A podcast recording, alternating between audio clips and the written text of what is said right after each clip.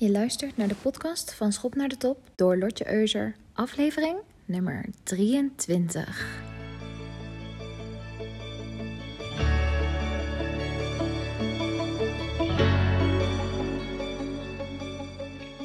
Welkom, talentvolle ondernemers in deze podcast. Ik ben Lotje Euser, ik ben business coach en ik coach ondernemende vrouwen op het gebied van sales en marketing.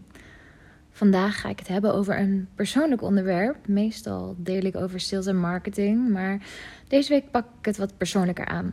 Ik wil het hebben over een onderwerp wat mij gedurende een groot deel van mijn leven heeft beïnvloed zonder dat ik het wist. En waarvan ik weet dat een hoop van jullie die nu luisteren hier ook door beïnvloed worden. Als je weet dat je meer in je mars hebt, als je veel talenten hebt en als je voelt dat je nog niet je volle potentie benut, dan is dit een aflevering waar je sowieso veel uit gaat halen. Ik ken een hele hoop talentvolle vrouwen die zich toch nog ergens inhouden en misschien herken je dit. Je gaat er niet voor de volle 100% voor. En je weet het, je voelt het en ergens voelt het ook frustrerend en maakt het je onrustig. En dit is ook een van de belangrijkste redenen dat de coachingindustrie zo floreert en dat steeds meer mensen een coach inhuren om meer uit zichzelf te halen, omdat ze weten dat ze nog veel meer kunnen doen en kunnen bereiken dat ze nu doen, of omdat ze stappen willen blijven zetten en zichzelf blijven ontwikkelen, gewoon een enorm belangrijk topic voor hen is. En als je het gevoel hebt dat je ook tot meer in staat bent, als je het gevoel hebt dat je nog niet je volle potentieel hebt benut, dan is de vraag: Waarom dan niet? Talentvol zijn is namelijk één ding. Maar talent betekent niets als je er niets mee doet. Net zoals met kennis. Kennis hebben is een ding, maar je hebt pas wat aan kennis als je er iets mee doet. Dus je moet in de actiemodus komen. En actie nemen, zoals ik al in eerdere podcasts heb verteld, ja, dat is eng. Het is eng om een aanbod te doen aan je ideale ideale potentiële klant. Het is eng om je crush te vertellen wat je voor diegene voelt. Het is eng om jezelf op video op te nemen. Het is eng om jezelf kwetsbaar en open op te stellen. Het is eng om je omgeving te vertellen dat je ontslag wil nemen en voor je toekomstdroom wilt gaan. Het is eng om te solliciteren op die ene hogere functie. De grootste reden dat je er niet helemaal voor gaat, heeft te maken met het oncomfortabele gevoel dat je de uitkomst niet kunt controleren. Je weet nog niet of het gaat lukken. Dus we houden onszelf in dezezelfde situatie, omdat we deze situatie kennen waarin we nu zitten. We kennen de uitkomst van onze huidige situatie, want we doen dit al jaren en daarom verlengen we de situatie. Ik wil je wat persoonlijk vertellen over mijn jeugd. En over oncomfortabel voelen. En jezelf proberen een nieuwe situatie te begeven en naar je doelen toe werken. Ik speel namelijk al vanaf mijn zesde jaar viool. Als klein meisje ben ik begonnen met viool spelen. Ik vond het zo fantastisch. Eigenlijk wilde ik al op mijn vierde beginnen. Maar mijn ouders hadden zoiets van, oeh, vier jaar is wel heel vroeg. Dus toen ik zes was, toen mocht ik op vioolles. En muziek werd een van mijn grootste liefdes. En dat is het trouwens nog steeds. Ik heb dit jaar weer pianolessen genomen. En uh, ik vind het helemaal fantastisch. Nou, toen ik 14 jaar was, besloot ik dat ik naar het conservatorium wilde gaan. Ik weet niet of ik het kon, maar ik besloot er wel helemaal voor te gaan. Dus ik nam les op het conservatorium voor piano en viool. Piano had ik mezelf aangeleerd en ik dacht, nou, is ook wel leuk. En ik besloot dat muziek mijn toekomstdroom was. Ik speelde in orkesten om me met anderen die ook diezelfde liefde voor muziek voelden te omringen. En ik voelde me vastbesloten. Ik vond het onwijs spannend, maar ik wilde ervoor gaan. Mijn middelbare school is daarom ook iets anders verlopen dan die van anderen. Ik kreeg namelijk vrij van school om naar muzieklessen te gaan. Ik hoefde nooit naar gymles. Dat was trouwens wel echt een fantastisch bijeffect. Maar ik heb dus ook nooit echt goed balgevoel ontwikkeld. Vraag me dus niet om een bal te gooien, want ik bak er helemaal niks van. Uh, en ik nam muziektheorielessen, zodat ik 100% voorbereid zou zijn op wat er komen ging. Nou, ik had een vriendin die uh, ook op hoog niveau paard reed. En daarin had ik vast, omdat zij ook dingen opofferde voor haar toekomstdroom. Dus we snapten allebei waar we het voor deden. En zo konden we elkaar ook motiveren. Dat vond ik heel fijn. Nou, op mijn zeventiende jaar, dat was in het zesde jaar van mijn middelbare school, ging ik auditie doen. Ik had er zo hard naartoe gewerkt, want dit was wat ik wilde doen. Ik wilde ook gewoon niet nadenken over alternatieve keuzes. Ik wilde in mijn hoofd geen plek maken voor het idee: wat ga ik doen als het niet lukt? Ik wilde daar gewoon geen plek voor maken. Dus ik was zo vastberaden in mijn plan. En ik was niet echt zo'n standaard muziektalent. Ik moest er heel hard voor werken, maar ik vond het oké. Ik wilde er hard voor werken.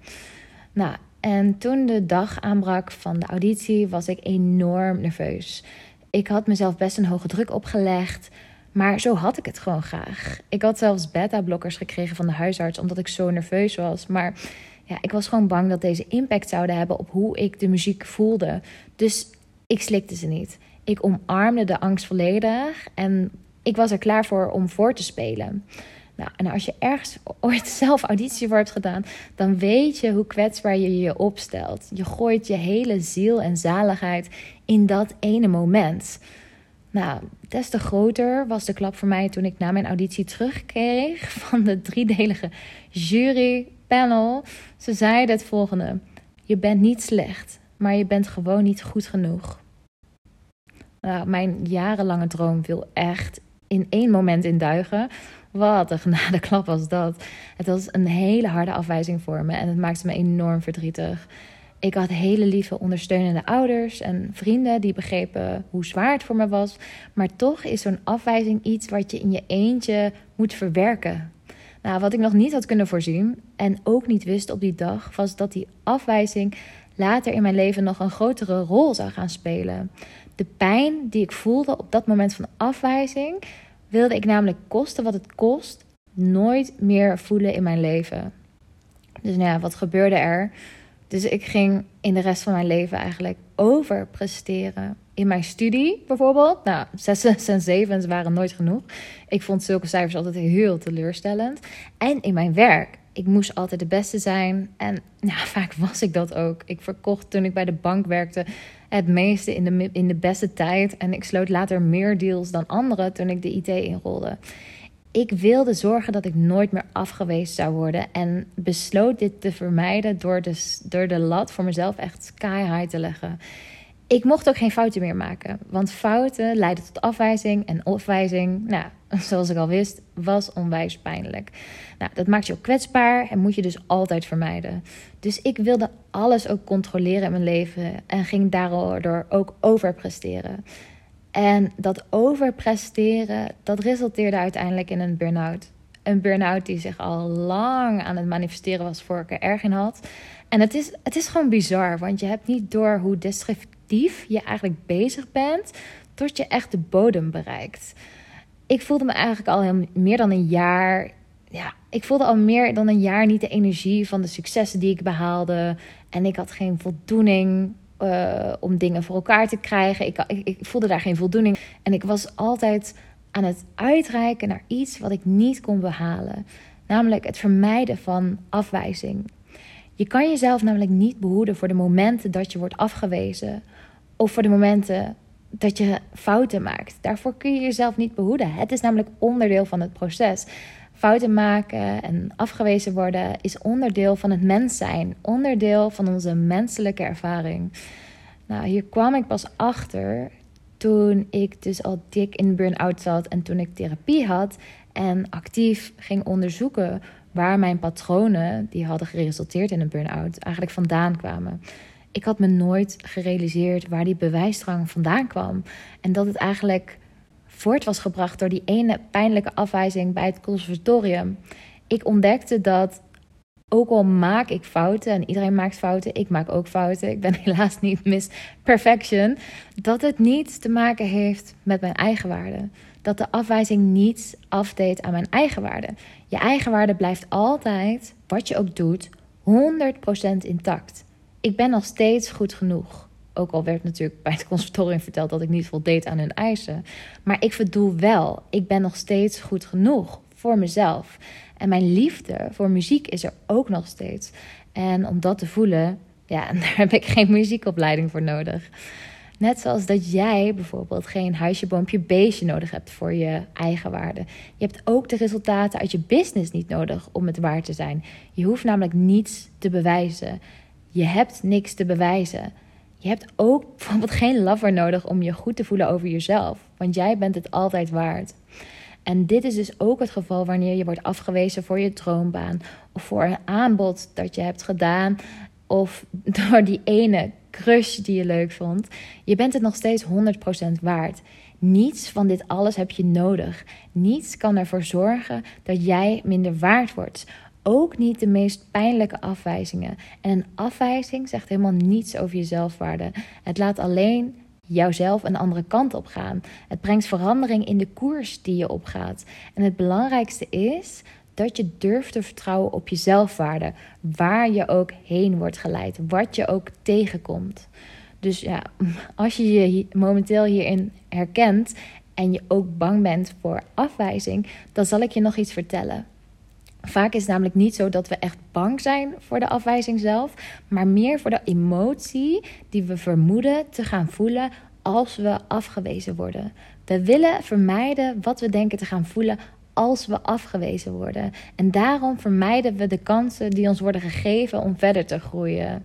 We willen gewoon niet die emoties die bij afwijzing horen, ervaren. We willen het niet aangaan. Maar weet je wat het is? Ja, je kunt de uitkomst nooit controleren. Je weet niet of je afgewezen zult worden als je ergens voor gaat. Het zou zomaar kunnen, het zou zomaar niet kunnen. En het enige wat belangrijk is, is dat je plezier hebt onderweg, ongeacht het resultaat. En dat je erop vertrouwt dat het je weer laat verder groeien als persoon zijnde. Dus ook als je momenteel aan het daten bent of als je je eigen business aan het opstarten bent, je weet niet of je succes wilt hebben. Je hoopt het natuurlijk wel, maar je, je hebt geen garantie. Maar het is zo zonde om jezelf het mogelijke plezier te onthouden. Door van tevoren al te falen.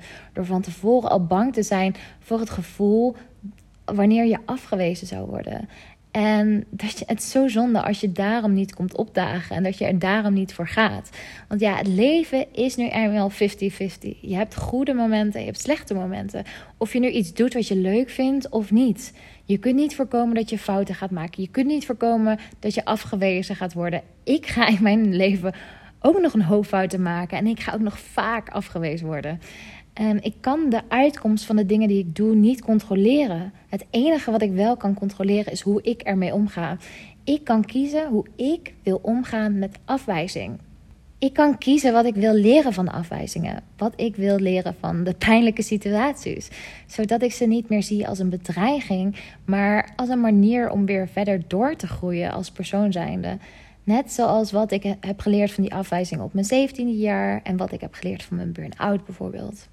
Ik heb de emoties die erbij kwamen eindelijk omarmd, geaccepteerd en verwerkt.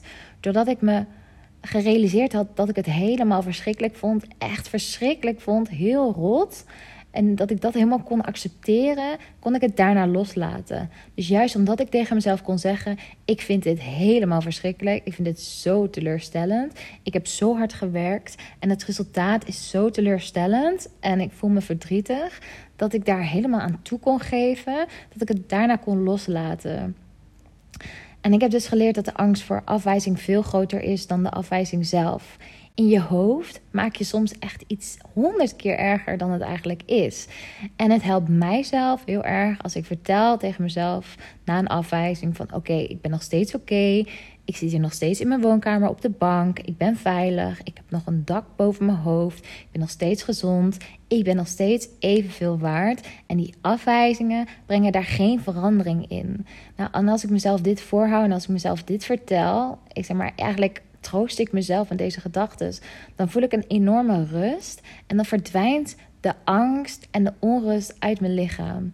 En wat ik jou gun, is dat je niet door zulke diepe dalen als een burn-out hoeft te gaan om nu al beter te worden. En dat je niet jarenlang in shitty relaties hoeft te zitten voordat je besluit dat je beter verdient. En dat je niet jarenlang werk hoeft te doen wat je helemaal ruk vindt voordat je besluit om het roer om te gooien.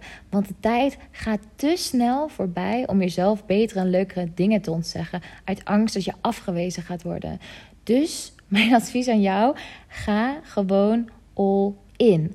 Ga je ongebruikte talenten inzetten en gooi het roer om. Schakel desnoods een coach in om je obstakels en je angst voor afwijzing te overwinnen. Maar blijf niet hangen uit angst voor afwijzing. Het is nu eenmaal onvermijdelijk als mens zijnde. Dus het belangrijkste is dat je dit accepteert en dat je weet dat wat er ook gebeurt, jij helemaal oké bent. Ook als je wordt afgewezen. Je bent nog steeds helemaal oké. Ik wil dat je gewoon nu al je eigenwaarde voelt en dat je weet dat wat er ook gebeurt, hoe vaak je ook afgewezen zult worden, je nog steeds evenveel waard bent. En dat desondanks dat je weet dat je afgewezen zult worden, dat je er dan toch besluit om gewoon maar voor te gaan. Want het leven is en blijft 50-50. De goede en slechte momenten. En dan kun je maar beter zorgen dat je bezig bent met datgene waar je plezier uit haalt. En waar je energie uit haalt en voldoening en helemaal enthousiast van bent. Als je toch de kans hebt op afwijzing. Dus dan kun je maar gewoon het beste alles uit je leven halen, toch? Nou, ik hoop dat deze aflevering je helpt om zelf je angst voor ja, mogelijke afwijzing aan de kant te zetten. En gewoon je volle potentieel te gaan benutten. En je talenten te gaan gebruiken voor dingen waar jij blij van wordt. Want het leven is echt veel te kort. En ik ben hier pas op mijn dertigste jaar achtergekomen. En ik gun het jou ook om gewoon nu weet je wel, je angst voor afwijzing aan de kant te zetten en er gewoon helemaal voor te gaan, all in te gaan, om je dromen achterna te gaan en je doelen te bereiken. En ja, als ik in ieder geval maar één iemand heb kunnen inspireren met deze podcast, dan is eigenlijk al mijn doel geslaagd. Ik hoop dat je de volgende keer weer luistert naar een nieuwe eh, podcast van Schop naar de Top. En mocht je zelf nou op zoek zijn naar een coach, of heb je zoiets van: hey, uh, ik zou wel graag met je willen sparren over dit onderwerp, je kunt altijd naar mijn website gaan: www.schopnaardetop.nl om een gratis call te boeken. Ik ben er voor je. Alright, en ga nu die geweldige doelen behalen. Want ik gun jou plezier en de voldoening die je zult voelen op weg naar je doelen toe echt van harte.